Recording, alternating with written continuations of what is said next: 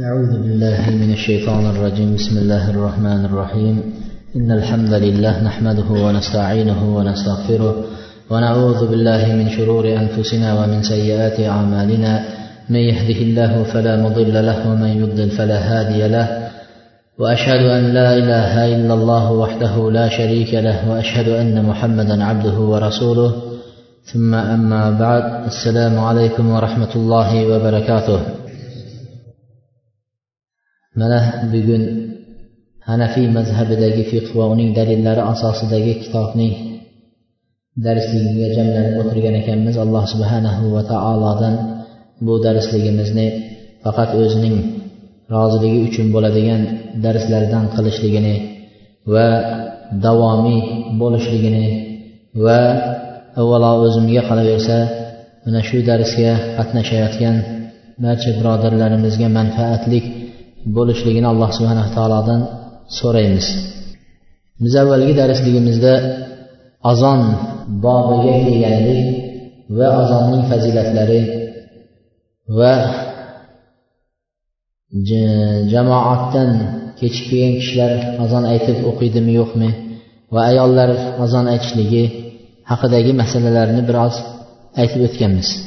Bugungi to'xtayotgan masalamiz azondagi mustahab bo'lgan amallar.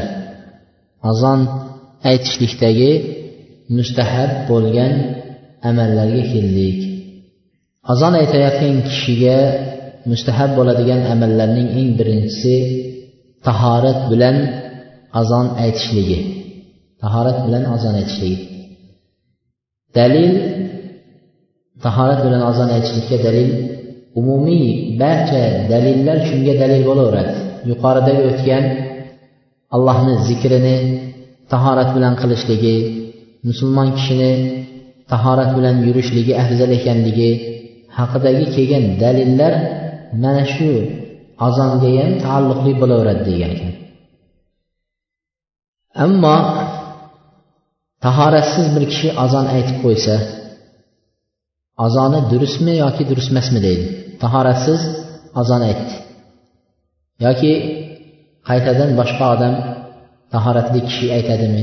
Yoki o'zi tahorat qilib kelib qaytarib aytadimi deydi. Ammo tahoratsiz aytsa deydi azoni joiz bo'laveradi. U azonni nima qilmaydi? Qaytarib o'tirmaydi deydi. Chunki azon zikrlardan hisoblanadi namozdan hisoblanmaydi. Ammo azon namozni tashqarisidagi narsa. Namozga chaqiriq bu hali namozga kirgani yo'q kishi shuning uchun mabodo tahoratsiz azon aytib qo'ysa durust bo'laveradi degan ekan ويروى أنه يكره الأذان أيضا لأنه يسير داعيا إلى ما لا يجيب بنفسه ba'zi ulamolar makruh sanashgan ekan tahoratsiz azon aytishlikni makruh sanashgan nimaga desa chunki o'zi odamlarni namozga ibodatga chaqiryapti namoz tahoratsiz durust bo'lmaydi shunga chaqiryapti vaholanki o'zi unga tayyor emas degan ekan o'zi tahorati yo'q bo'lib turib namozga shoshinglar hayya ala sola namozga oshiqinglar deb chaqirsayu o'zi hali shoshilmasa o'zi tahorat olmagan bo'lsa mana shu tarafdan makruh degan ekan ويكره أن يقيم على غير وضوء لما فيه من الفصل بين الإقامة والصلاة demak biz bildikki mana shu masalada azonni asli afzali tahorat bilan aytishligi. Ba'zi ulamolar ikkinchisi makruh sanashgan. Mobodo tahorat bor yo'qligini bilmadi tahorati buzilganligini bilmasdan azon aytib qo'ydi. Keyin hayo esiga keldi tahorati yo'q ekani uni zarari yo'q. Shu azon bilan keyin tahorat qilinib namoz o'qilaveradi. Tushunarlimi ammo iqoma deydi takbir tushirish bizda qomat aytishlik masalasiga keladigan bo'lsak tahorat bilan aytilinishligi kerakmi? Yoki tahoratsiz aytilib qo'ysa ham durust bo'laveradimi degan masala. Bunda ham ulamolar juda ko'p olimlar qomatni tahoratsiz aytishlik qattiq makruh amallardan deyishgan. Qomatni tahoratsiz aytishlik judayam yaxshi sanashmagan yomon ko'rishgan makruh amallardan deb hisoblashgan. Nimaga desa chunki qomat aytilgandan keyin namozga iqoma aytilganidan keyin endi orada nima kutish yo'q. Darrov namoz boshlanadi. Takbir tugashi bilan allohu akbar deb namoz boshlanadi. Orasini buzishlikka orasini ajratishlikka imkon bo'lmaganlikdan deydi. Tahoratsiz aytishlik makruh deyishgan. Azon bilan namozni orasida vaqt bor. Kimda kim tahoratsiz aytib qo'ysa nima qilish mumkin? O'rtada tahorat qilib olishligi mumkin. Ikkinchi mustahab amallardan ikkinchisi istihbabul qibla. Azonni qiblaga qarab aytishlik mustahab deyishgan ekan. Mustahab degani nima? Yaxshi sanalgan amallardan ba'zi istilohlarda sunnat amallardan deb aytiladi mustahab sunnat deb. Azonni qiblaga qarab aytishligi mustahab amallardandir. Chunki jami ahli ilmlar qiblaga qarab azon aytishlik mustahab deyishgan ekan. Va bunga ba'zi bir hadislarni dalil qilgan lekin bu hadis o'ta sahih hadislardan emas. Judayam sahih hadis emas lekin shuni dalil qilishgan. Innal malikan nazila minas samai azzana mustaqbilal qibla deyishgan ekan. Bu hadis sahih emas. E, fihi maqol deyishadi. Hadisda illat bor. E, zaiflik tarafi bor.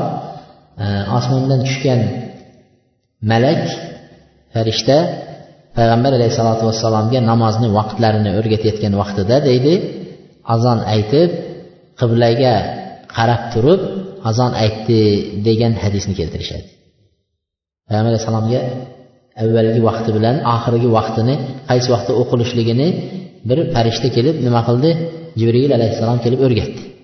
Ana shuni aytishyaptiki shunda qiblaga qarab azon aytdi deydi bu judayam sahih emas. Lekin qanchalik bo'lmasin modomiki namoz qiblaga qarab o'qilar ekan azon o'sha namozning nimalardan boshlang'ich harakatlaridan bo'lganligi uchun qiblaga qarab aytilishligi mustahab amallardan ولو ترك الاستقبال جاز لحصول المقصود ويكره لمخالفة لمخالفته السنة agar mabodo qiblaga qaramay masalan qibladan yuzini o'girilgan bo'lsa yoki boshqa tarafga qarab aytib qo'ygan bo'lsa azonni durust bo'laveradi azoni lekin sunnatga xilof amal bo'ldi deb hisoblanadi Payg'ambar alayhisalotu vassalomning sunnatlari qiblaga qarab aytilishligi bo'lsa bu kishi agar mabodo boshqa tarafga qarab azon aytib qo'ysa bo'laveradi lekin sunnatga xilof ish qilgan bo'ladi deydi.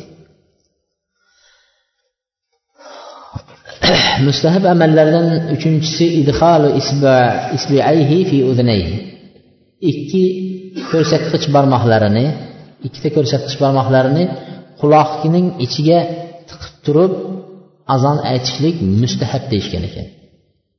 Bunday qilib turib quloqni ichiga kirgizib turib azon aytishligi mustahab amallardan degan. Bunga abi juhayfa roziyallohu anhuni hadislarini dalil qilib keltirishgan ekan. Bu hadis termiziy o'zining sunanlarida keltirgan sahih hadislardan biri. رأيت بلالا يؤذن ويدور ويتبئ فاه ها هنا وها هنا وإصبعاه في أذنيه degan bu kishi aytadi men bilal roziyallohu anhuni azon aytayotganligini ko'rdim og'izlarini u yoqqa bu yoqqa qarab hayala solar hayala falahlarda u yoqqa bu yoqqa o'girilib aytayotganligini ko'rdim va qo'llari barmog'i ko'rsatkich barmoqlari qulog'ini ichiga kirgizgan edi deydi qulog'ini ichiga kirgizgan edi deydi.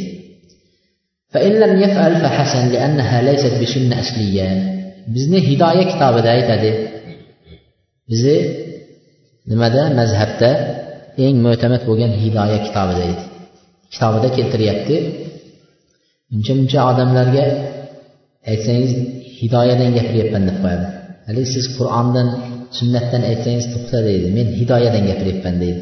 Shunchalik ba'zi bir avom xalqimiz yoki shu kitobga mutaassib bo'lib qolganlar hidoyani shunchalik sunnatdan qur'ondan ortiq qo'yib yuboradiganlar borda shuni endi o'zlarini dalili o'zlarini kitobidan keltiryapmiz bizlar ham shuni mabodo olib qolarmikin degan umid bilan.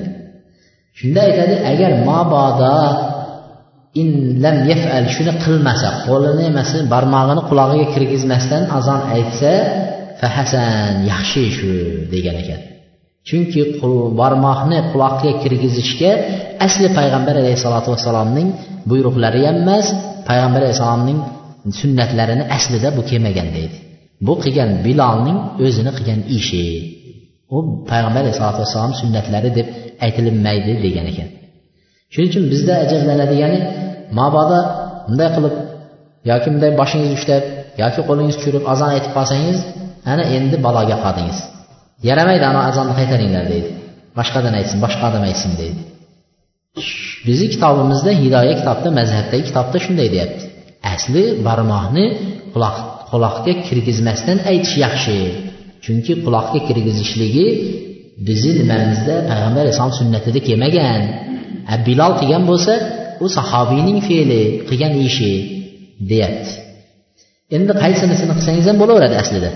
talashmasdan tortishmasdan biz buni aytishimiz sababi ba'zi kishilar shuni nima e, shu masalalarda ham tortishganligi uchun aytyapmiz to'rtinchisi mustahab amallardan to'rtinchisi الالتفات بالرأس يمينا عند قوله حي على الصلاة ويسارا عند قوله حي على الفلاح boshni nimaga o'ng tarafga hayya ala solah deganda burishligi hayya ala solah deganda o'ng tarafga bunday burilishligi hayya ala solah hayya ala solahda bo'ladi. Hayya alal falahda esa chap tarafga uradi demak hayya ala solatda o'ng tarafga hayya alal falahda chap tarafga burishligi mustahab amallardan deydi. Bunga ham yuqoridagi termiziyda kelgan abi juhayfaning hadislarini keltiradi.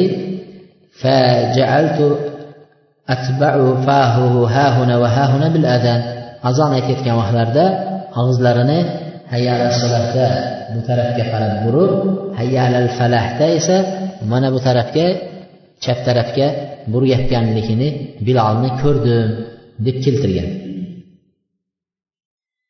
فيسن أن يلتفت بالرأس وبدنه مستقبل مستقبل القبلة sunnat boshni burgan vaqtda shu ikki nima hayalatayn deydi Hayala sura hayala falah shunda boshni o'ngga chapga burganda faqat boshni o'zi burilishligi kerak. Badani bilan qo'shilib burilishligi durust emas deydi. Badan qibladan o'girilishligi bilan sunnat hali aytgan qiblaga e, ro'baro bo'lish sunnati ketib qoladi. Shuning uchun badan burilmasdan faqat boshni o'zini nima qilishligi e, burishligi. Lekin bu yerda imom ahmad va ishoq rahmatulloh alayhilar aytishgan ekanki biman yuazzinu alal minorati yuridu an yusmi'an nas shu boshni burishlik faqat minorani tepasiga chiqib aytayotgan odam yoki masjidning tomiga chiqib aytayotgan odam tomda turgan vaqtda u yoqqa qarab hayal solah bu yoqqa qarab hayal falah deb aytishligi sunnat. Shu vaqtdayoq xos shunga xos. Lekin masjidni ichida turgan odam masjidni ichida azon aytadigan bo'lsa boshini u yoqqa bu yoqqa burishlikda foyda yo'q chunki tepadagi odam hamma eshitsin deb aylanib aytyapti. Masjidni ichidagi odam masjiddan bari bilan qancha hayqirsa ham tashqariga ovoz chiqmaydi. Xosatan hozirgi kunlarda mikrofon bilan aytayotgan bo'lsa u odamning ovozi mikrofonni har tarafga qo'yilganligi nimasi bilan ovoz yetkazib berishlar o'zi nima ovozini chiqaraveradi. U yoq bu yoqqa burilmasa ham deyishgan ekan. Imom ahmad bilan ishoqlar. Ammo boshqa mazhabdagilar madomiki payg'ambar alayhisalotu vassalomning sunnatlari ekan buni bilol roziyallohu anhu qilgan ekan sahobiy shu sahobiyning fe'liga amal qilgan holatda qilaveramiz degan ekan. Qaysinisini qilsangiz ham durust bo'laveradi. Agar ko'chada aytsangiz mikrofonsiz aytsangiz minoraga chiqib baland joyga chiqib odamlarga eshittirish maqsadida aytsangiz boshingizni burib aytsangiz afzal. Ammo mikrofonda aytayotgan bo'lsangiz bilol roziyallohu anhuning fe'llariga asoslanib bursangiz bo'laveradi bo'lmasdan to'g'ri aytsangiz ham bo'laveradi.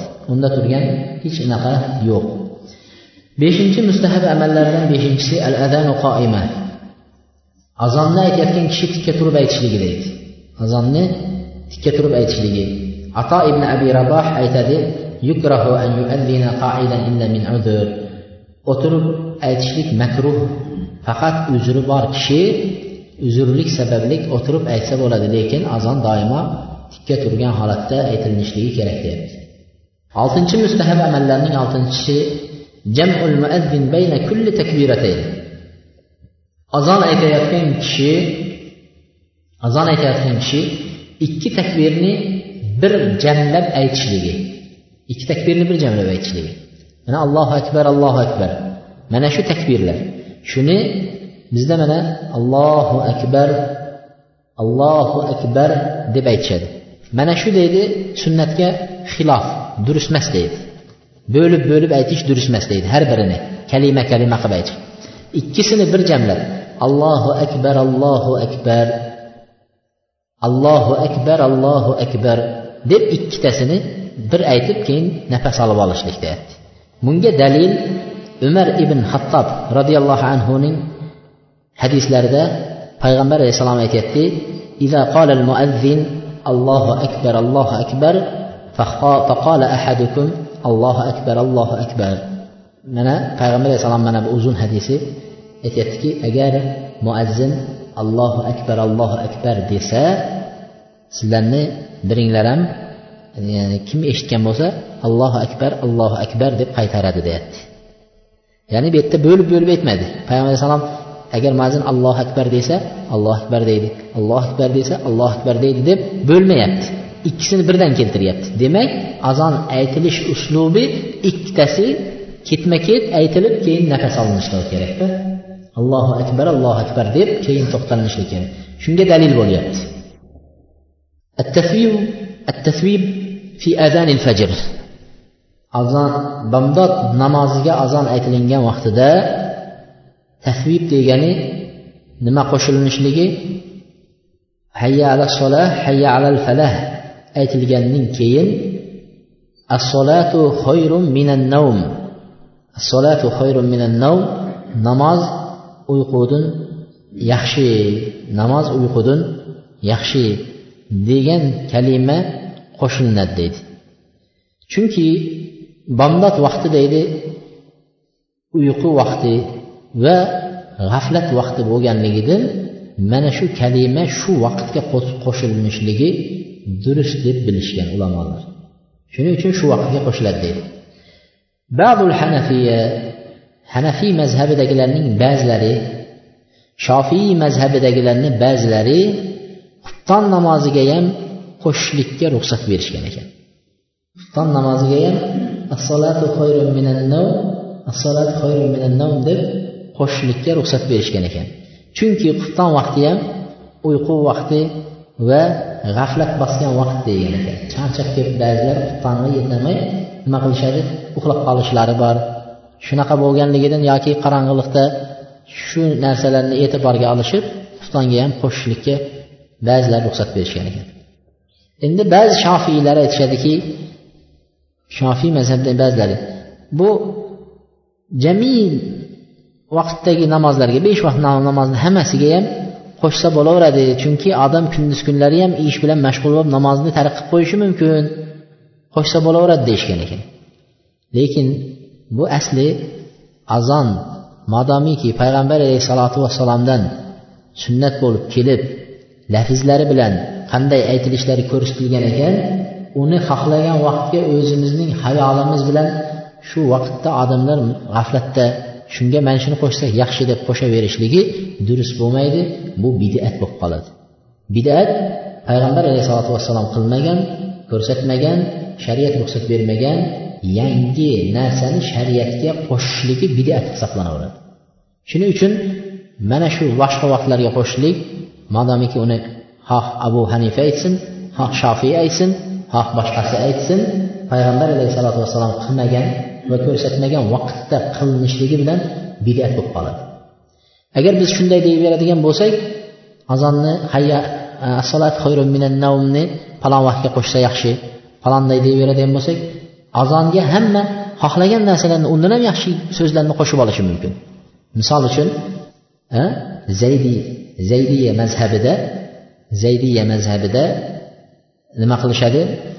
Bu yamanda ana qilinadi. Yamandagi mazhablardan biri u yerda azon aytgan vaqtda mana bu kalima qo'shilishadi. Kalima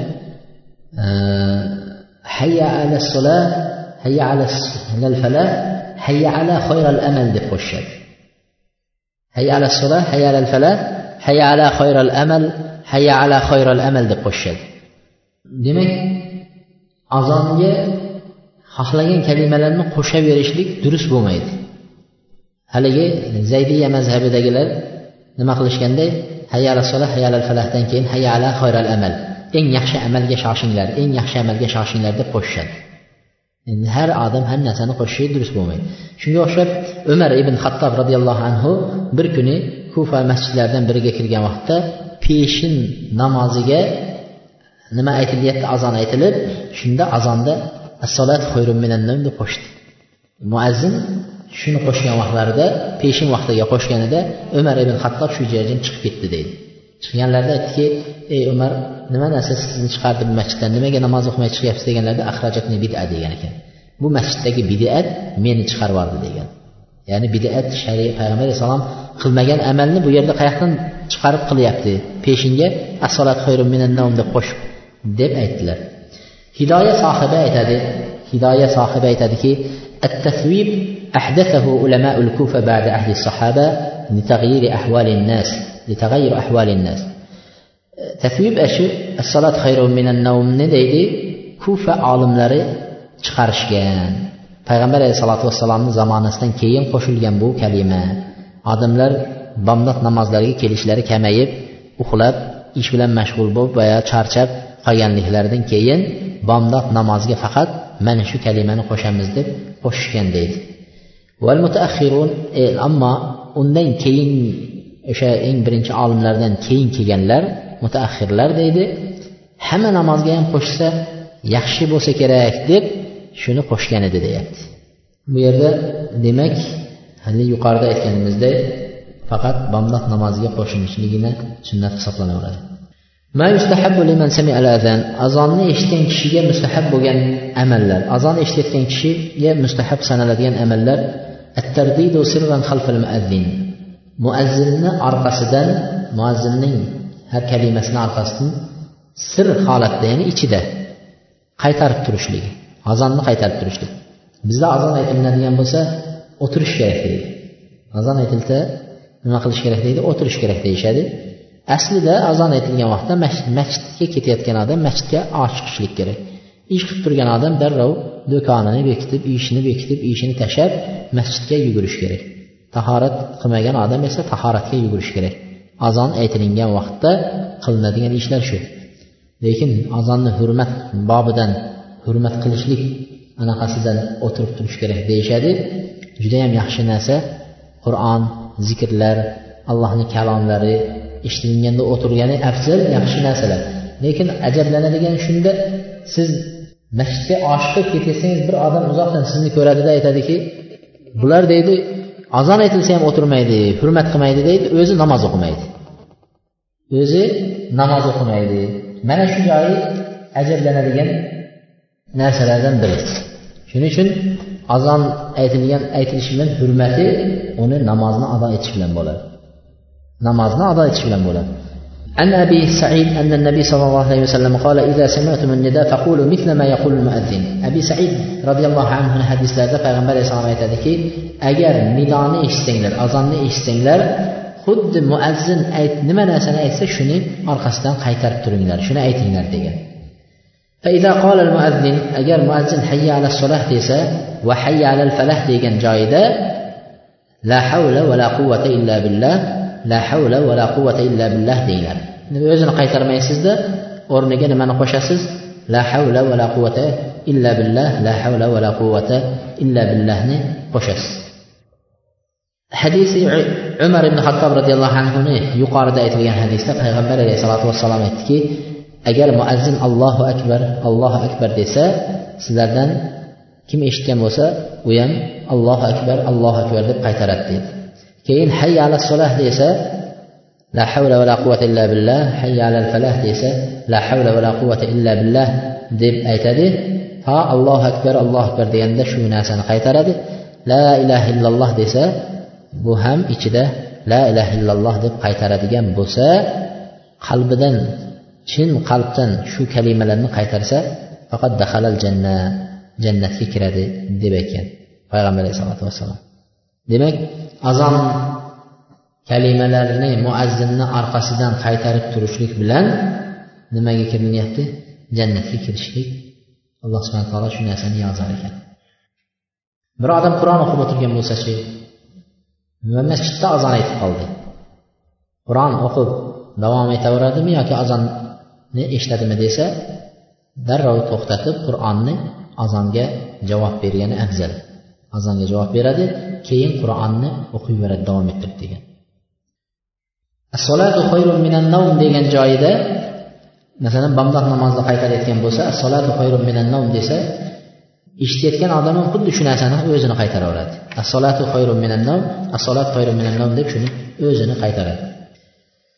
Keyin azon tugaganidan keyin duolari azonni duolari eng avvalo payg'ambar alayhissalotu vassalomga salovat aytiladi keyin u kishiga vasila so'raladi vasilani biz aytamiz mana hozir abdulloh ibn amir roziyallohu anhu aytadilar men payg'ambar alayhissalotu vassalomdan eshitdim deganlar إذا سمعتم المؤذن فقولوا مثل ما يقول ثم صلوا علي فإنه من صلى علي صلاة صلى الله بها عليه عشرة agar sizlar muazzin azon aytayotganligini eshitsanglar xuddi shunday qaytaringlar. Keyin menga salovat aytinglar degan payg'ambar alayhisalotu vassalom aytyaptilar. Menga salovat aytinglar. Kim menga bir salovat aytsa alloh subhana taolo unga o'n salovat aytadi dedilar. Keyin menga vasila so'ranglar dedi. Vasila so'ranglar. Ati muhammadan vasilata val fadila deb shu duoni ichida keladi. Vasila so'ranglar. Vasila nimadir desa fa innaha manzilatun fil janna bu vasila jannatdagi bir manzilat degan ekan bir joy. Shu joyni payg'ambar alayhissalotu vassalomga azondan keyin shu vasim payg'ambar alayhissalomga shunday joyni bergin eng tabarruk bo'lgan eng yaxshi joyni bergin deb payg'ambar alayhissalom o'zi umid qilgan joylarini nima qilyaptilar? So'rashga buyurdi. Shu vasila o'sha jannatdagi bir joy. La tanbag'i illa li abdin min ibadillah. Bu joy faqat allohning bandalaridan xos bir bandalarga beriladigan makon degan ekan. Jannatdagi xos bandalarga beriladigan makon an ana huwa men shu makon egasi bo'lishni umid qilardim degan ekan. Payg'ambar alayhisalotu vassalom jannatdagi o'sha makonning egasi bo'lishni umid qilaman. Kim menga shu joyni so'rar ekan vasilani so'rar ekan qiyomat kunida shu kishilarga mening shafoatim loyiq bo'ladi. Mening shafoatimga nima qiladi? Loyiq kishilar bo'ladi. Shafaatim shularga tushadi degan ekan. Payg'ambar alayhisalotu vassalom shafoat qiladigan kishilardan biri azon aytilgandan keyin salovat aytib azon duosining ichida nima qilishligi payg'ambar alayhisalotu vassalomga anaqa vasila jannatdagi bir makonni so'rashlik mana payg'ambar alayhisalotu vassalomning azondagi o'rgatgan duolari jobir roziyallohu anhu aytganlar payg'ambar alayhisalotu vassalom azon eshitsalar mana bu duoni aytardi allohimma رب هذه الدعوة التامة والصلاة القائمة آتي محمدا الوسيلة والفضيلة وابعثه مقاما محمودا الذي وعدته deb mana shu duoni aytardi deydi kim shu duoni aytsa deganlar hallat lahu shafaati yawmal qiyama u kishiga qiyomat kunida meni shafaatim halol bo'ladi u kishiga tushadi meni shafoatim deb payg'ambar alayhisalotu vassalom aytganlar demak mana shu nima qilinadi? Endi u yog'ida ba'zi kishilar e, varzuqna shafaatahu yawmal qiyama deb ham so'rab qo'yadi. Qiyomat kunida bizga payg'ambar alayhissalomni shafoatidan rizqlantirgin deb e, so'rab qo'yadi. Payg'ambar alayhisalotu vassalom u joyini aytmadilar. U joyini aytmadi. Kim mashitgachayin aytsa unga shafaatim tushadi shafootimga loyiq bo'ladi deydi. Endi u yog'iga uni qo'shishni hojati yo'q. Agar uni qo'shadigan bo'lsak yana duoga ortiqcha narsa qo'shgan bo'lamiz. Bidat amallardan bo'lib qoladi. Keyin mana shu duolardan keyin yana mana bu duoni ham qo'shib o'qib qo'ysa o'qib qo'yadi deydi. Bu muslim abu davud termiziy nasoiy rivoyatlarida kelgan duo. Said sad ibn abi vaqqos roziyallohu anhu payg'ambar alayhissalotu vassalomdan rivoyat qilgan rivoyat bo'lgan hadisda aytyaptilar man qala hina yasmaul muazzin demak salovat aytasiz duo qilasiz keyin oxirida mana bu duoni aytasiz ashhadu an la ilaha illalloh vahdahu la sharika lah va ashhadu anna muhammadan abduhu va rasuluh raditu billahi robban va bil islami dinan va bi muhammadin sollallohu alayhi vasallam nabiya va rasula muhammad sallallohu alayhi vasallam rasula deb aytadi deydi. Demak mana shu duoni qo'shib qo'yiladi. Oxirida. Shuni aytadigan bo'lsa dedilar kim shu duoni aytsa deydilar payg'ambar alayhissalom o'tgan gunohlarining barchasi kechiriladi degan ekan. O'tgan gunohlarning barchasi kechiriladi bir azonning o'zida shuncha narsalar hali biz namozga qadam qo'yganimiz yo'q. Jannatga kiradi deyapti. Gunohlari kechiriladi deydi. Alloh rozi bo'ladi. Payg'ambar alayhissalom shafoat etadi. Mana mana sanayveradigan bo'lsangiz shuncha shayton azonni eshitganda odamdan shu azon kelmaydigan joygacha qochadi. Qiyomat kunida toshmidi kesakmidi nima narsa eshitgan bo'lsa guvohlikka o'tadi. Nima degan fazilat? Endi aslida bu azonga urushib talashib yurib azon aytishimiz kerakku va masjidlarimiz azonchilardan xoli bo'lib qolyapti aytilsa aytiladi aytilmasa yo'q. Shuncha fazilatlar. To'rtinchisi subhanalloh. Bunisi ham yana fazilat. Azon bilan azon aytilingandan keyin to takbir aytilguncha qomat deymiz mana iqoma deymiz takbir deymiz. Shu takbir aytilingunchayin orada qilingan duolar ijobat bo'lar ekan. Azon aytilgandan keyin takbir aytilinganchayin qilinadigan duolar mustajob deyapti. Anas roziyallohu anhu payg'ambar alayhissalotu vassalomdan keltirgan hadislarda aytyaptilar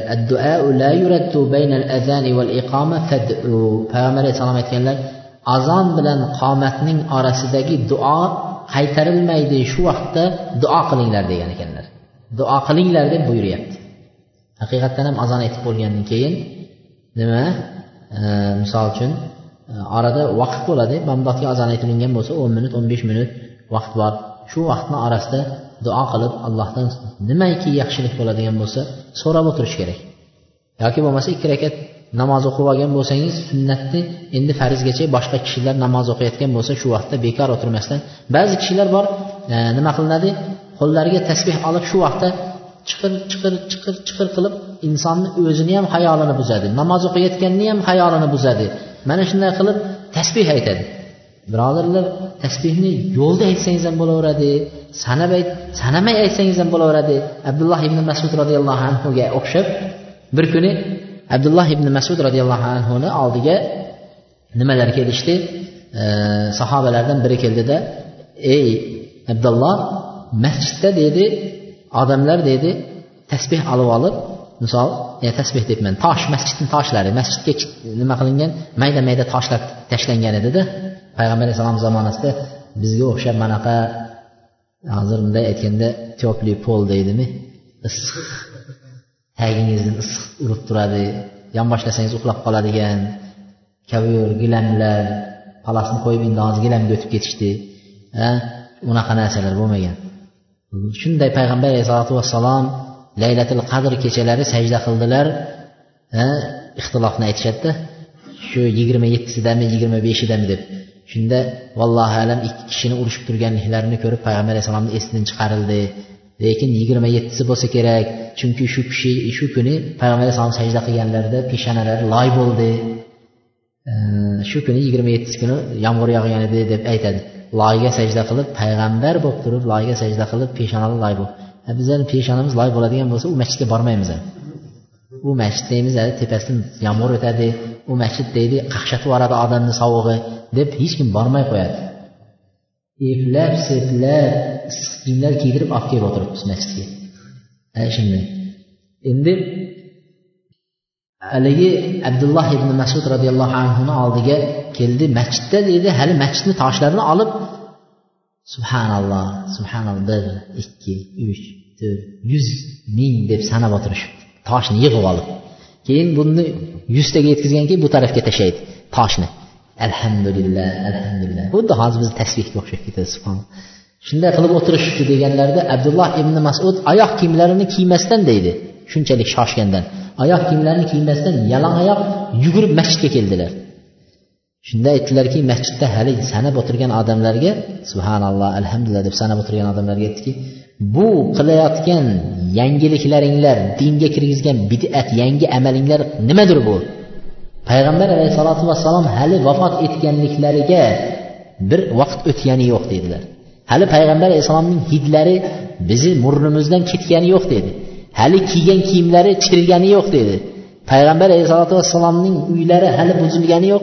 Sizlar dedi kelib kelib endi shu vaqtda chiqarsanglar bu narsani dedi. Bu qanday bidat? Sizlar dedi gunohlaringlarni shu toshlar bilan sananglar. Bunday gunoh qildim bir bunday gunoh qildim ikki bunday gunoh qildim uch deb sananglar. Men allohni oldida savobinglarni alloh urib qolmasligiga kafilman dedi. Savobni bir marta etsang ham ming marta etsang ham farishtalar yozib turibdi. U hech zoya bo'lmaydi. Uni sanamasang ham. Shuning uchun hali tasbehni choq choq choq qilib hozir yangi chiqib ketdi. Bunday dumaloq mana bunday bunday knopkani bossangiz o'zi yozuv raqam chiqaveradi. Lekin chirq chirq chirq deb turadi u. Ming ikki ming uch ming chiqaveradi shunaqada sanashadi endi. Hech shuning uchun namozni keyingi namozni kutayotgan bo'lsangiz yo namoz bilan farzni kutayotgan bo'lsangiz orasida bekor o'tirgan bo'lsangiz allohdan so'raydigan duolarni qiling. Biz duolarni bilmaganligimiz sababidan nima qilishni bilmay masjidga kirsak haligi alhamdulillah alhamdulillah deb o'tirishni o'rganib olganmizda ha alhamdulillah yursangiz ham tursangiz ham oyoq qo'ysangiz nafas olsangiz alhamdulillah deyvering ko'chada. Chunki bari allohni bergan ne'matiga shukur qilish bo'ladi. ammo masjidga kelgan vaqtlarda duolar qilib namoz bilan farz namoz bilan nima sunnat o'qisangiz farzgachayin azondan keyin duo qilishlik shu vaqtda duolar qabul bo'ladigan vaqt deydi ويجلس بين الأذان والإقامة إلا في المغرب وهذا عند أبي حنيفة azon aytilganidan keyin qomat aytilgunicha qomat aytilguncha ozgina ya'ni azon aytib orqasidan darrov qomat tushur deb turib qomat boshlab yubormas kerak deyapti. Ozginta o'tirgani yaxshi ozgina. Biroz kutib tarzni besh minut o'n minut iloji bo'lsa o'n besh minut vaqt o'tkazib e, o'tkazgani afzal deydi. E, faqat shom namozini abu hanifa rahmatullohi alayhi aytgan ekanlar shom namozini azon aytilib orqasidan darrov nima qilinishlik kerak degan ekan? Takbir tushirilishlik kerak degan ekan. Shom namozida azon aytilib darrov takbir tushirish kerak deb abu hanifa rahmatullohi alayhi aytgan. Lekin e, buning dalili abu hanifa rahmatullohi alayhini dalillari at tahir makruh fayaktafi bi adnal fasl degan. Namozni kechiktirish makruh hisoblanadi.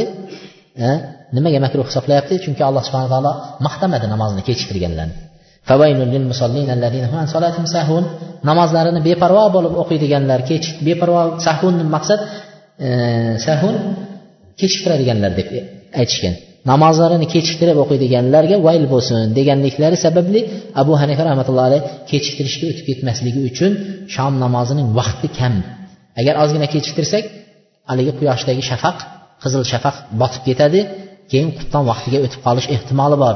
Shuning uchun shu haligi nimaga alloh taolo yaxshi ko'rmagan odamlarning safiga kirib qolmaylik deb turib ozgina azon aytib turib ozgina to'xtab keyin qomat aytsa bo'laveradi degan ekan. Fasl ozgina uzishlik orasini azon bilan qomatni orasini ozgina to'xtab turib uzish. Lekin bu yerda yana boshqa bir nimalar keladi. Payg'ambar alayhisalotu vassalom doim azon bilan qomatning o'rtalarida nima qilardi azondan keyin ikki rakat nafl namoz o'qib qo'yardi. Masalan bomdod namozini azon eshitsangiz ham ikki rakat nafl o'qisangiz peshinga eshitsangiz ikki rakat nafl yoki shomga eshitsangiz ham ikki rakat nafl o'qib undan keyin qomat aytilsa bo'laveradi.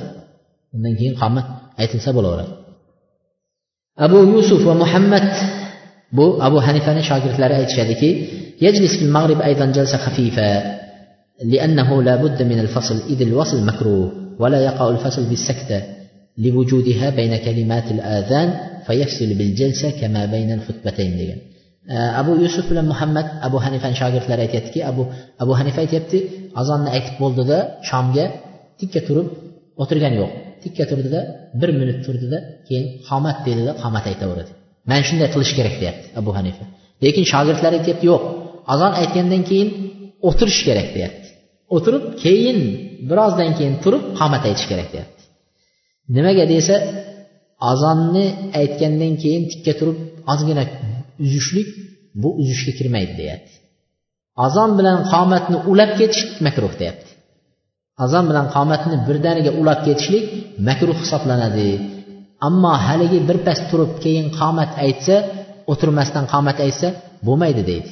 Nimaga desa ha azon aytayotgan odam allohu akbar allohu akbar deydida birpas dam olib allohu akbar allohu akbar deb har nimalarni orasini uzyapti deyapti. Ha u bilan farqi bo'lmay qolyapti qomat bilan. Shuning uchun bir o'tirib xuddi xutbada ham bir xutba o'qib o'tirib keyin ikkinchi xutbani aytgani singari shunga o'xshagan qilishlik kerak deyishgan ekan. Qo'yingki qaysinisini qilsangiz ham durust bo'laveradi inshaalloh. Azon aytilib qo'ygandan keyin masjiddan chiqib ketishlikdan payg'ambar alayhissalom qaytargan. Azon aytilgandan keyin masjiddan chiqib ketish. Mana hozir misol darsga kelgan birodarlar darsni eshitgandan keyin masalan azon aytilganda endi men o'zimga oladigan foydamni oldim. tez meni bir ishim bor edi deb turib yugurib chiqib ketsam durust bo'lmaydi payg'ambar alayhisalotu vassalom qaytargan manhiy amallarga kirib qoladi abis abis shasa degan kishi aytadiki qola kunna qu'udan fil masjid ma abi hurayra biz masjidda abu hurayra roziyallohu anhu bilan birga o'tirgan edik muazzin deydi azon aytdi deydi muazzin azon aytdi فقام رجل من المسجد يمشي bir kishi azon aytayotgan vaqtda turib sekin chiqib ketayotgan edi. Abu hurayra roziyallohu anhu haligi kishiga bunday ko'zlari bilan qaradi tikilib qaradida. Hatto haraja minal masjiddan chiqib ketguncha tikilib turdi. Masjiddan chiqib ketganlarida abu hurayra aytdiki amma hada faqat aso abal qosim dedi. Ammo mana bu kishi muhammad alayhissalotu vassalomning gunohkor bo'ldi dedilar.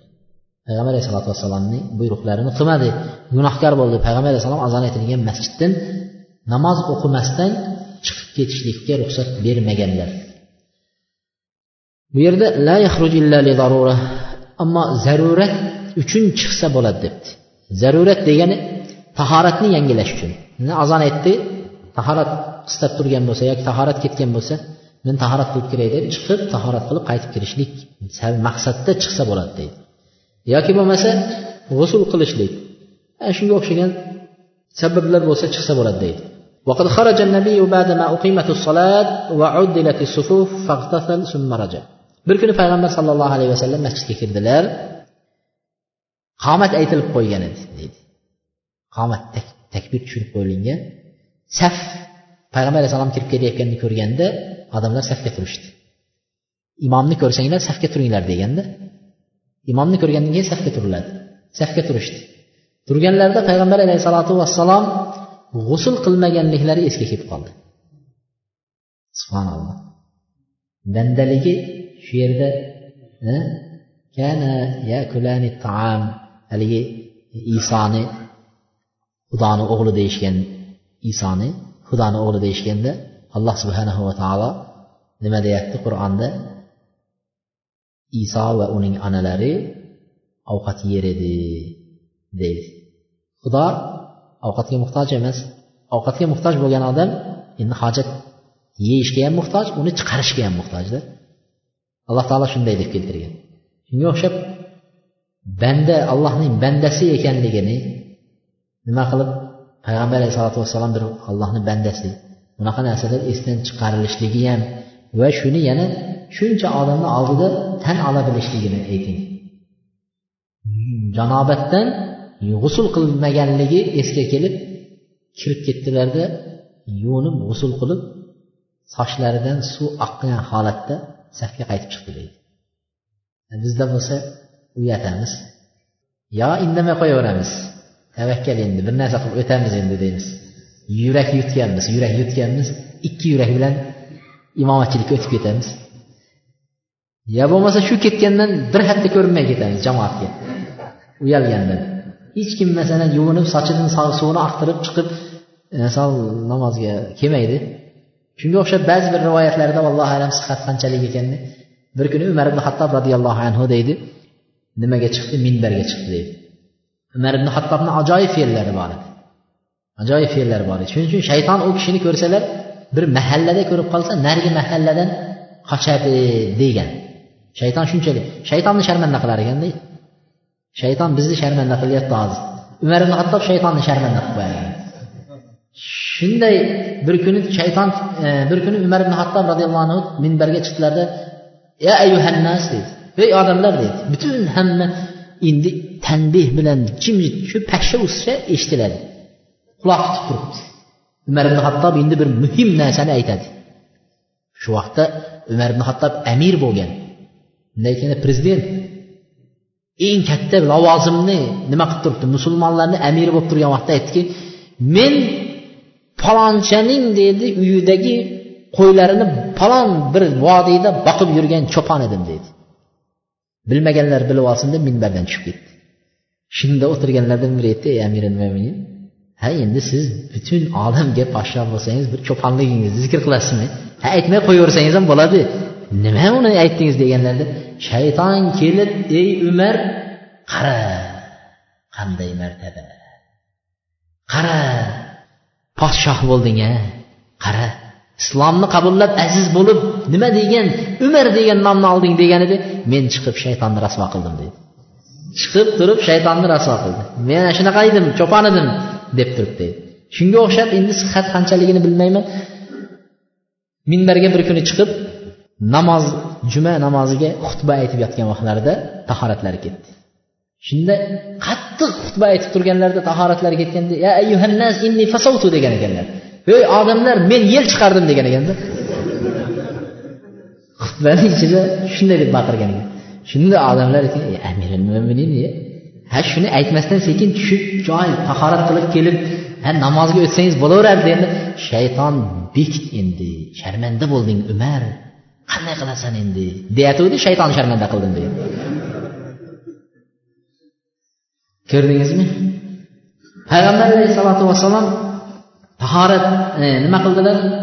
E, agar saflarda turgan vaqtida ham chiqib tahorat qilib keyin kirdi deyapti. Bu yerdan maqsad azon aytilib qo'ygandan keyin hojat uchun masjiddan chiqib o'shani bajarib keyin masjidga kelib o'sha namozni davom ettirishga ruxsat deyapti وكذلك من يكون إماما لمسجد آخر أو بقصد أداء الجماعة في مسجد آخر buni ba'zi ulamolar aytgan lekin qanchalik ekanini nima qilmadik agar bir odam boshqa masjidni imomi bo'ladigan bo'lsa mana bu masjidda azon aytilib qo'ygandan keyin o'zini masjidda imomatchilikka o'tib berish uchun hozir chiqib ketsa bo'laveradi degan ekan hozir mana azon aytilib qo'ysa bir odam bir masjidda imom bo'lsa o'sha odam shu sababli chiqsa bo'ladi bo'lmasa bu bo'lmaydi degan Yoki bo'lmasa boshqa masjidda jamoati kattaroq ko'proq yoki boshqa masjidda bir dars bo'layotgan bo'lsa shunga o'xshagan sabablar bo'lsa azon aytilib qo'ygandan keyin shunga yetib olay deb turib maqsadda chiqib ketsa bo'ladi degan.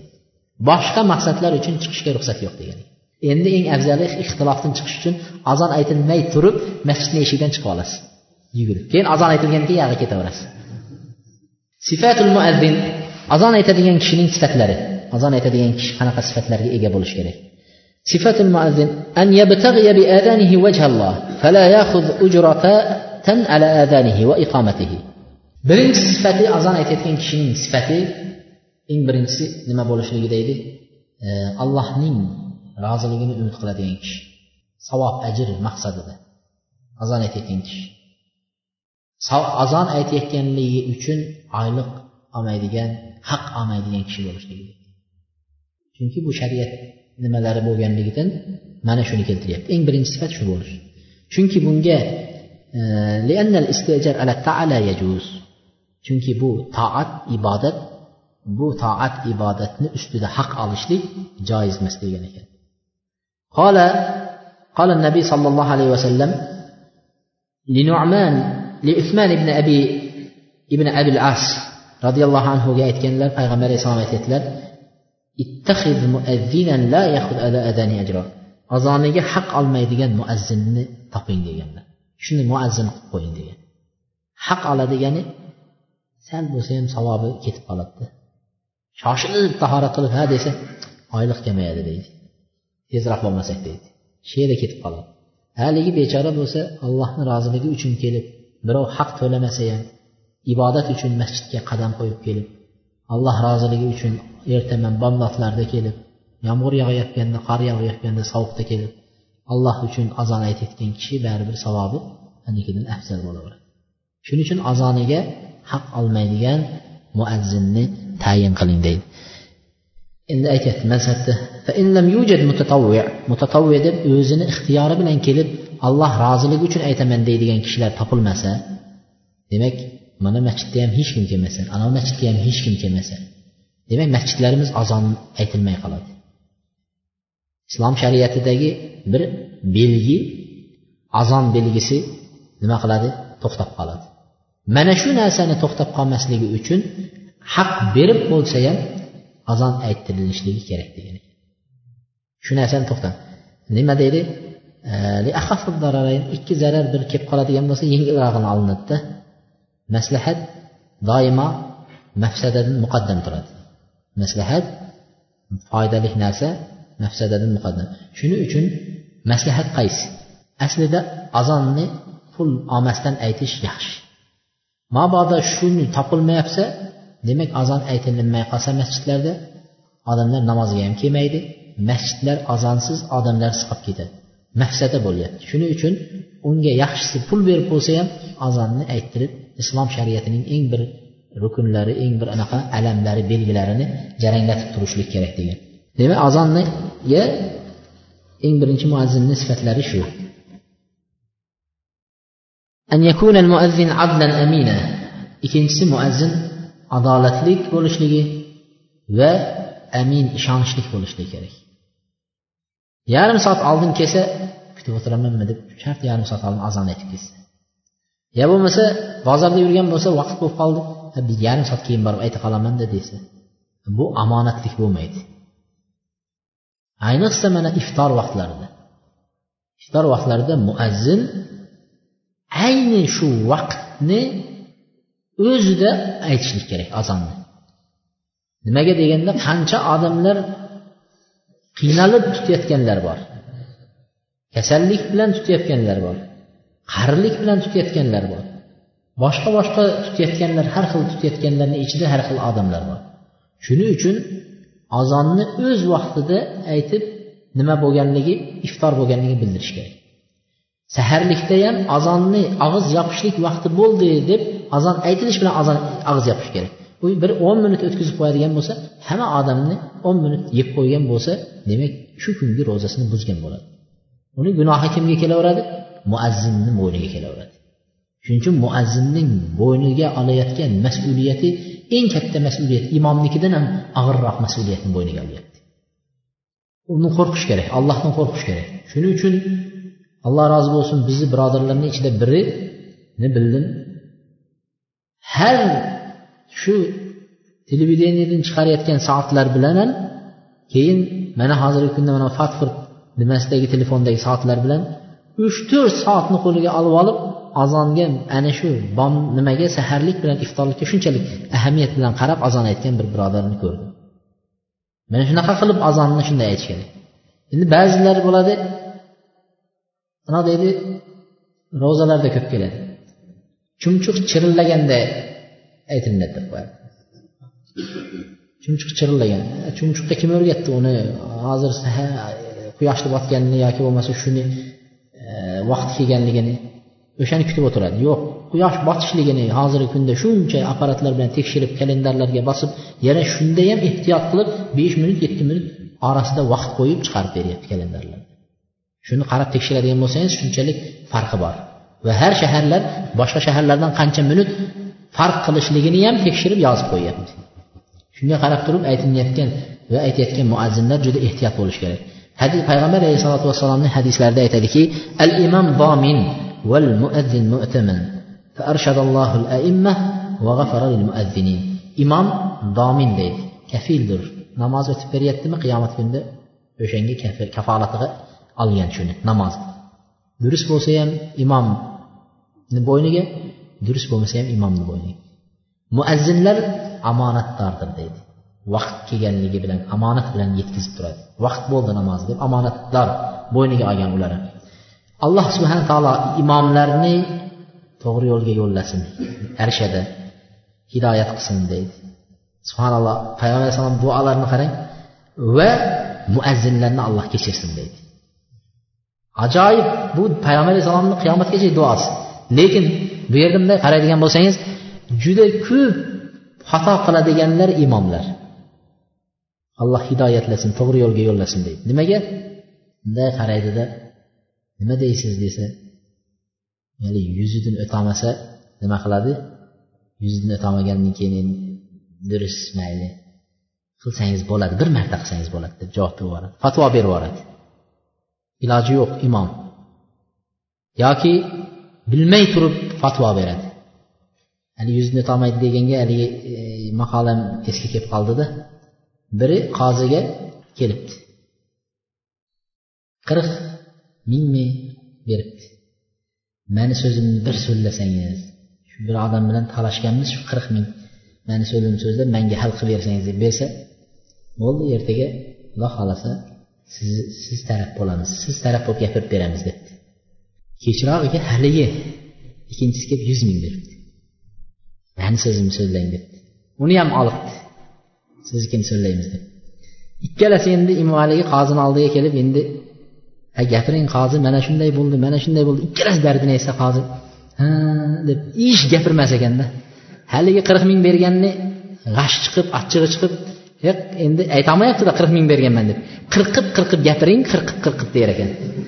Desa qozi ham yuzidan o'tolmayapman yuzdan der ekan. Yuz yuz ming berib qo'ygan. Yuz ming berib qo'ying. Yuzidan o'tolmayapman yuzdan der ekanda. Qirqib qirqib gapiring shunga o'xshab bu imomlarimiz ham ya qirqib gapirolmaydi ya yuzidan o'tolmaydi alloh arshadalloh hidoyat qilsin to'g'ri yo'lga yo'llasin deb payg'ambar alayhissalom duo qilgan imomlarni. Shuning uchun doim duoda bo'lishi kerak imomlar.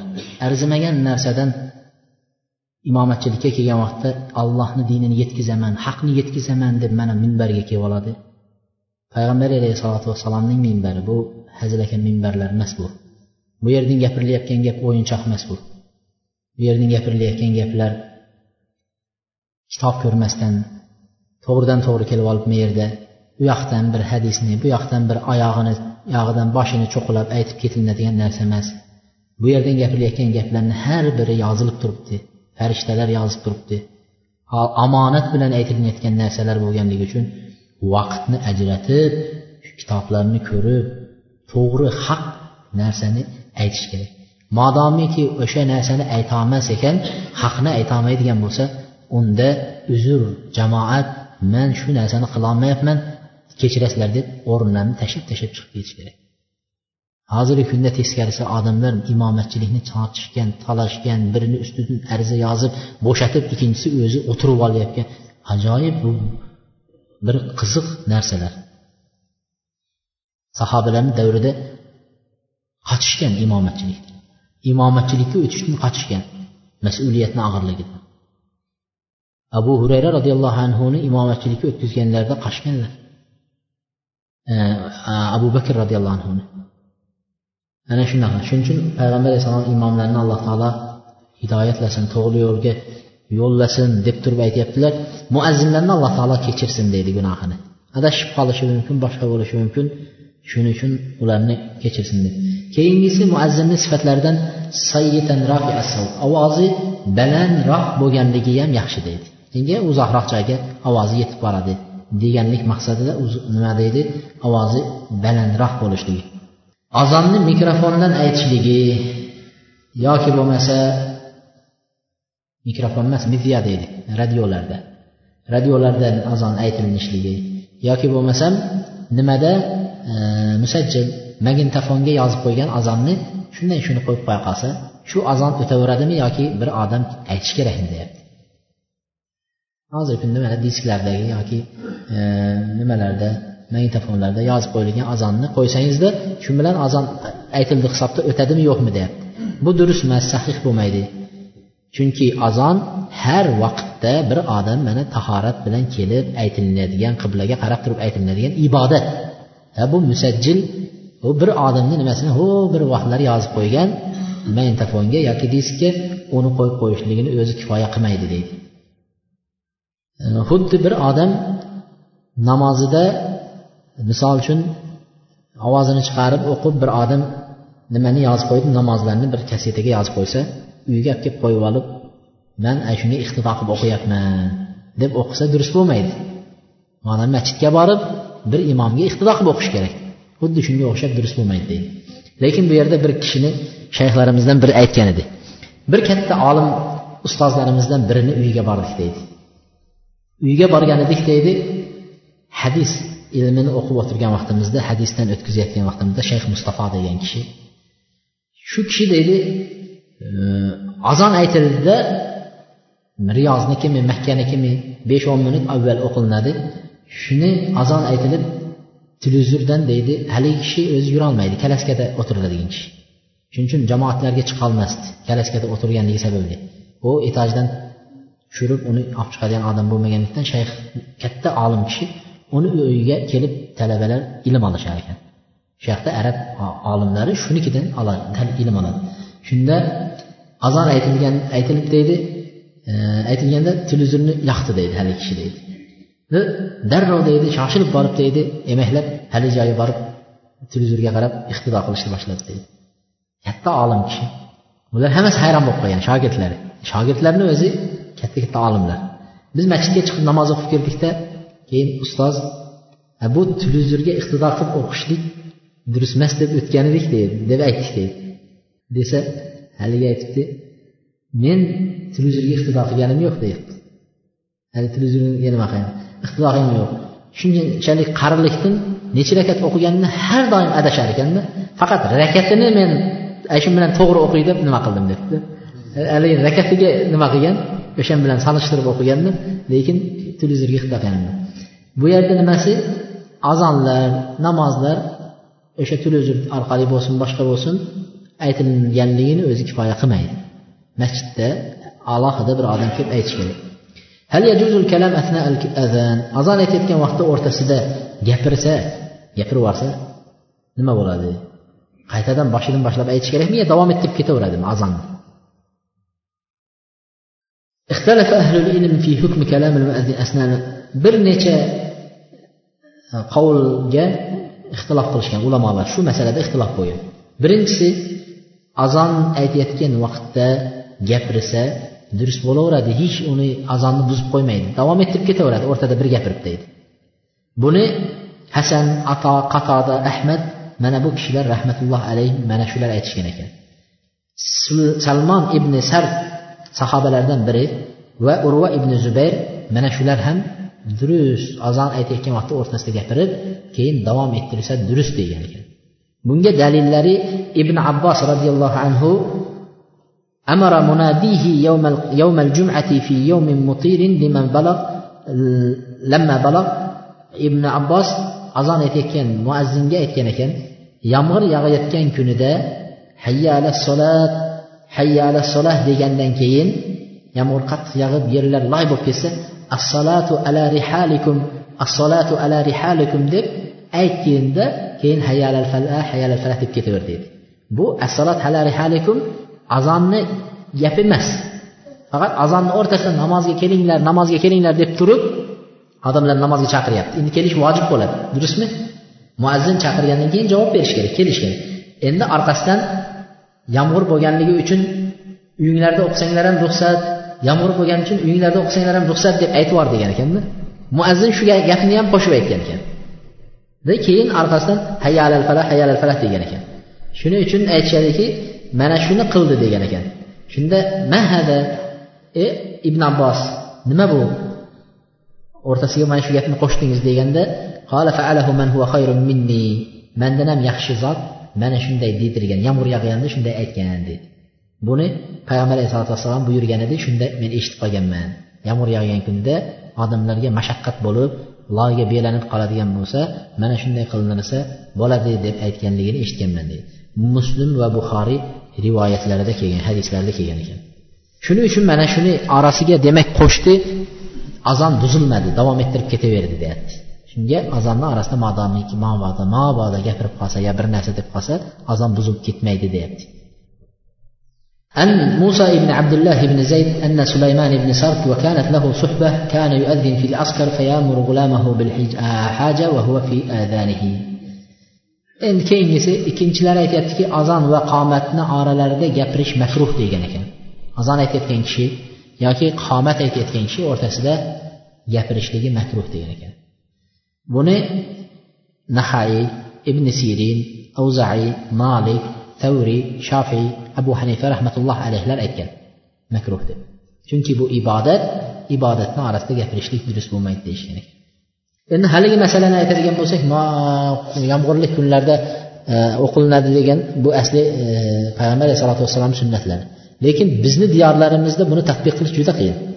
Agar unga ruxsat bersak hamma uyda yomg'ir yog'yapti deb masjidga hech kim kelmay qo'yadi. Besh vaqt namoz uyda bo'lib qoladida iqoma qomat masalasi. Qomat degani iqoma degani namozga turishlik uchun ma'sur ya'ni payg'ambar alayhisalotu vassalom o'rgatgan lafzlar bilan maxsus sifatlar bilan xos sifatlar bilan aytiladigan kalimalar. Qomat deymiz bizlar yoki iqomat deydi. Mana shu namozga turinglar deb namozga saf tortinglar deb e'lon qilishlik ma'nosida aytiladigan gaplar deydi. Qoma iqomaning sifati ikki xil sifatda kelgan qomat aytishlik. Bizni aytayotgan o'n yetti kalima bilan aytilinadigan sifat. Bizni mana masjidlarimizda aytiladi o'n yetti xil o'n yetti kalima bilan aytilinadi. o'n yetti kalima. Allohu akbar allohu akbar allohu akbar allohu akbar. Ashhadu an la ilaha illalloh ashhadu an la ilaha illalloh. Ashhadu anna muhammad rasululloh ashhadu anna muhammad rasululloh. Hayya ala solah hayya ala solah hayya ala falah hayya ala falah qad qomat solah qad qomat solah allohu akbar allohu akbar. La ilaha illalloh. o'n yetti bo'ldi. Mana shu bilan aytiladi bu abi mahzura roziyallohu anhuni azonlarida shunday kelgan. Shu azonni xuddi shu lafz bilan qomatga nima qilib qolgan qomat ham xuddi shunday aytiladi deb qo'yishgan. Mana shunday aytiladi. Endi o'n bir jumla bilan o'n bir kalima bilan aytiladigani bor. Bu ham ba'zi rivoyatlarda kelgan. Bu kayfiyatni mana shu o'n bir kalima bilan aytishni abdulloh ibn zayd E, nima qilgan? Azonlarida keltirgan shundan olingan bu kayfiyat. Bu esa allohu akbar allohu akbar. Ikki marta to'rt marta emas. Ashhadu an la ilaha illalloh bir marta. Ashhadu anna muhammad rasululloh. Hayya sala hayyala hayya fala qad qama sola qad qama allohu akbar allohu akbar la ilaha illalloh. O'n bir marta. Bir marta aytiladi. Bu ham kelgan. Shuning uchun ba'zi birodarlar faqat narigisini ushlab olib turib bizda o'rganmagan darrov masjidlarda ixtilof chiqib ketadi agar mana shunday aytilsa. Xosatan shunisini ushlashadida yana. Ushlab turib ana shu mana hadisda kelgan bir sunnat ekan deydi. Ha bunisi ham sunnat. Biz aytib kelayotgan nimalarimiz ham sunnat hadisda kelgan u ham ha bunisi ham kelgan. Shuning uchun ixtilof chiqarmaslik uchun bunisini aytilavergani afzal. O'zimiz o'rganganaqa qilib azon qomatni ana shuni aytilavergani afzal bo'laveradi. Lekin narigisini ham kelgan rivoyat ekanligini aytib qo'yishimiz kerak. Chunki payg'ambar alayhisalotu vassalomdan shu nimalar kelgan. Hal yalzam an yuqim man endi azon aytgan kishi shu shu kishi qomat takbir tushiradimi yoki bo'lmasa boshqa odam tushirsa bo'laveradimi bu yerda aytadiki nimasi? Avlosi yaxshirog'i. Azon aytgan kishi qomat aytgani afzal. Chunki muazzin masalan shu yerga ajr savobida kelib azon aytyapti. Bizdan besh minut o'n minut oldin kelib aytyapti. Ha shu savobni ega bo'ladi. Endi aytib tayyor qilib qo'yganda kelib turib keyin qomatni biz aytsak. U sal nima? Shuning uchun tartib ham buziladi. Shuning uchun haligi afzali shu azon aytgan kishi qomatni o'zi aytgani yaxshi deydi. Bunga juda ko'p ahli ilmlar mana shu gapga qo'shilishgan. Ammo agar boshqa kishi qomat aytib qo'ysa namoz joiz bo'lib o'qib namoz o'qisa bo'laveradi. Qomat durust bo'laveradi deyapti. Boshqa kishi birov azon aytdi boshqasi qomat aytyapti. Bo'laveradi. Deydi odamlar namozga qomat aytilayotgan vaqtda qayerga kelganda turish kerak deydi. Bizlarda aytadiki qodi qomati salat qodi qomati salat desa odamlar ana shu vaqtda o'rnidan turish kerak. Ungacha tursa bo'lmaydi deb juda qariyalarimiz yoshlarni qiynab qo'yadi. Endi bu yerda birinchisi agar imom masjidda bo'lmasa azon aytildi qomat aytilay deyapti hali masjidda imom yo'q. Masjidda bo'lmasa sunnat. Sunnat shuki imomni ko'rmaguncha imomni ko'rmaguncha o'rnidan turmaydi deyapti. Muazzin qomat aytsa ham muazzin aytmasa ham deydi. Nimaga? Zo'rg'a turadiganlar bor. Yo hassaga suyanib turadiganlar bor. Yo oyog'iga bir narsa gips soldirgan qiynalib turayotganlar bor namozi ha imom hali kirmagan besh minut kutamizmi besh minut oldin takbir tushirib qo'ydi bir muazzin shoshib. Ha imomni kutyapmiz. Turishga qiynaladi haligi odam shuning uchun aytyaptiki imom hali masjidda bo'lmasa imomni kutayotgan bo'lsak imom mana bu yerga kelib nimaga mehrobga kelib shu yerga kelganini ko'rmasdan turib o'rnidan turmay o'tiraverasiz ekan. Qomat aytsa ham aytmasa ham takbir tushirsa ham tushirmasa ham deyapti. Bu jumhur ulamolarning gapi. Bunga dalil abi qatoda roziyallohu anhuning gaplari hadislarini keltiradi. Payg'ambar alayhissalom aytadiki buxoriy va muslim rivoyatlarida agar qomat aytilsa o'rninglardan turmanglar hatto meni ko'rmaguncha degan. Qomat aytilib qo'ysa ham payg'ambar alayhisalotu vassalom meni ko'rmay turmanglar. Ko'rgandan keyin imomni ko'rgandan keyin turishga buyuryapti. Endi ikkinchi nimalarda? Imom masjidda bo'lsachi. Imom birga o'tiribmiz. Shunda allohu akbar allohu akbar degandan turib ketamizmi? Yoki qad qomat salo qad qomat salo deganda turamizmi? Yo tugatganidan keyin turamizmi? Takbirni qachon turiladi desa bu yerda aytyaptiki abu hanifa rahmatullohi alayh aytgan ekanlar hayya ala solat degan joyga yetgan vaqtda turiladi degan ekan. Demak bizda aytayotgan qad qomat ham xato bo'lib chiqdida kitobda. Hayya ala solat degan vaqtda o'rnidan turadi jamoat degan ekan. Ahmad aytgan ekan muazzin qad qomat salat degan joyda turadi. Demak bizlarda haligi boboylarimiz hammasi ahmad ibn hambal mazhabida ekan. Mazhabdan chiqib ketgan ekanda ahmad ibn hambal aytgan ekan qad qomat salat degan joyda turadi degan ekan. Imom molik aytgan ekan allohu akbar allohu akbar deb boshlagan vaqtdan turib ketadi degan ekan. Shoshilish kerak ibodatga deganda. Shofiy rahmatullohi alayhi va boshqalar aytgan ekanki tugatgandan keyin turadi degan ekan. Takbirni aytib bo'lgandan keyin turadi. Demak e, nimasi? Qaysinisini qilsangiz ham bo'laveradi. O'zingizni rohatingizga qarayverasiz demak bizni azon va qomatga taalluqli bo'lgan kitobda kelgan masalalarni deyarli barchasiga to'xtadik lekin boshqa kitoblarda boshqa masalalar ham kelgan bo'lishi mumkin biz o'zimizni qo'limizdagi kitob asosida mana shu masalalarni aytdik inshaalloh سبحانك اللهم وبحمدك استغفر الله واتوب اليك